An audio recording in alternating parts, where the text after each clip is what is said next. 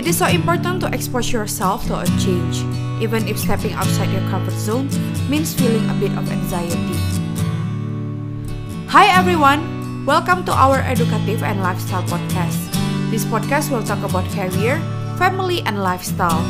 Offer you an insight and dare you to change your perspective because in this podcast, every word counts. This is Little S Queen 17 episode.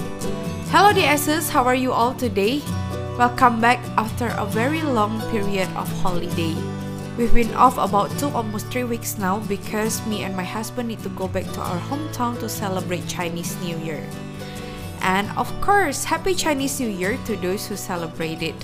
It's never too late to say it. Without further ado, now let's we continue our reading of the day as we begin our second chapter, which is called The Little Things That Add Up to a Long and Happy Life. Aging Escape Velocity. For more than a century, we've managed to add an average of 0.3 years to our life expectancy every year. But what would happen if we had the technology to add a year of life expectancy every year? In theory, we would achieve biological immortality having reached aging's escape velocity. Aging escape velocity and the rabbit.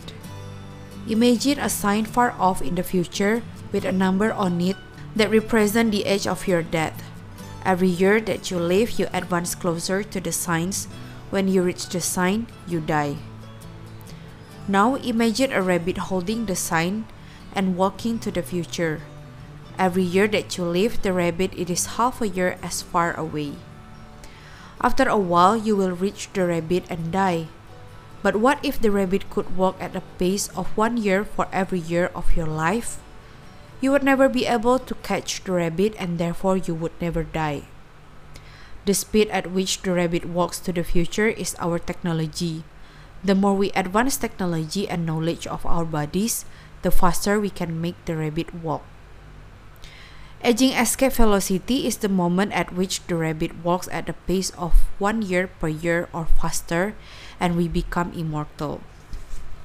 Researchers with an eye to the future, such as Ray Kurzweil and Aubrey de Grey, claim that we'll reach this escape velocity in a matter of decades.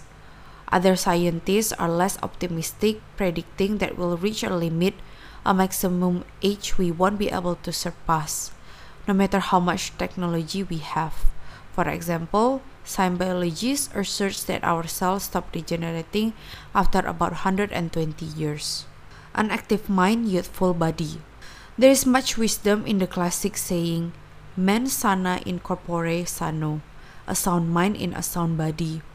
It reminds us that both mind and body are important, that the health of one is connected to that of the other. It has been shown that maintaining an active, adaptable mind is one of the key factors in staying young. Having a youthful mind also drives you towards a healthy lifestyle that will slow the aging process. Just as a lack of physical exercise has negative effects on our bodies and mood, a lack of mental exercise is bad for us because it causes our neurons and neural connection to deteriorate and as a result reduces our ability to react to our surroundings. This is why it's so important to give your brain a workout. One pioneer in advocating for mental exercise is the Israeli neuroscientist Shlomo Breznitz, who argues that the brain needs a lot of stimulation in order to stay in shape. As he stated in an interview with Eduard Punset for the Spanish television program Redes, there is tension between what is good for someone and what they want to do.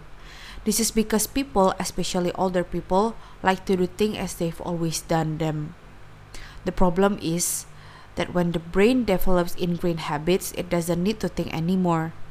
Things get done quickly and efficiently on automatic pilot, often in a very advantageous way. This creates a tendency to stick to routines, and the only way of breaking this is to confront the brain with new information. Presented with new information, the brain creates new connection and is revitalized. This is why it is so important to expose yourself to change, even if stepping outside your comfort zone means feeling a bit of anxiety. The effects of mental training have been scientifically demonstrated according to the Collins Hemingway and Shlomo Breznitz in their book called Maximum Brain Power Challenging the Brain for Health and Wisdom. Mental training is beneficial on many levels. You begin exercising your brain by doing a certain task for the first time, he writes. And at first, it seems very difficult, but as you learn how to do it, the training is already working. The second time you realize that it's easier, not harder to do because you are getting better at it. This has a fantastic effect on a person's mood in and of itself. It is a transformation that affects not only the result obtained, but also his or her self image. This description of a mental workout might sound a bit formal, but simply interacting with others, playing a game, for example, over a new stimuli that helps prevent the depression that can come with solitude. Our neurons start to age while we are still in our 20s. This process is slowed, however, by intellectual activity, curiosity, and a desire to learn, dealing with new situation, learning something new every day, playing games, and interacting with other people seems to be essential anti-aging strategies for the mind. Furthermore, a more positive outlook in this regard will yield greater mental benefits. Finding a way to have mental health is essential. Do you know that the rate of people who suffer from mental health, such as depression, is getting higher these past few years? And now, even the topic of mental health and self love is rising and it is on the trend. Even high end brand using the theme of self love to promote mental health. I guess this is why we need to know ikigai.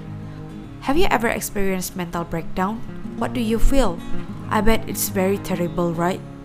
because I have it once and it was terrible. None of my surrounding knows how to handle it. It was a painful moment that I had to go to psychiatric and getting treatment medically. I am believer and never believed that depression can occur to myself, but at that time it was so real and I needed a help. After going through that phase, I understand that this kind of knowledge, of course, will be a greater help for someone like me. In order to have a better understanding how to handle my situation, and how to improve my self image, therefore, lessen the effect of mental illness such as anxiety or depression.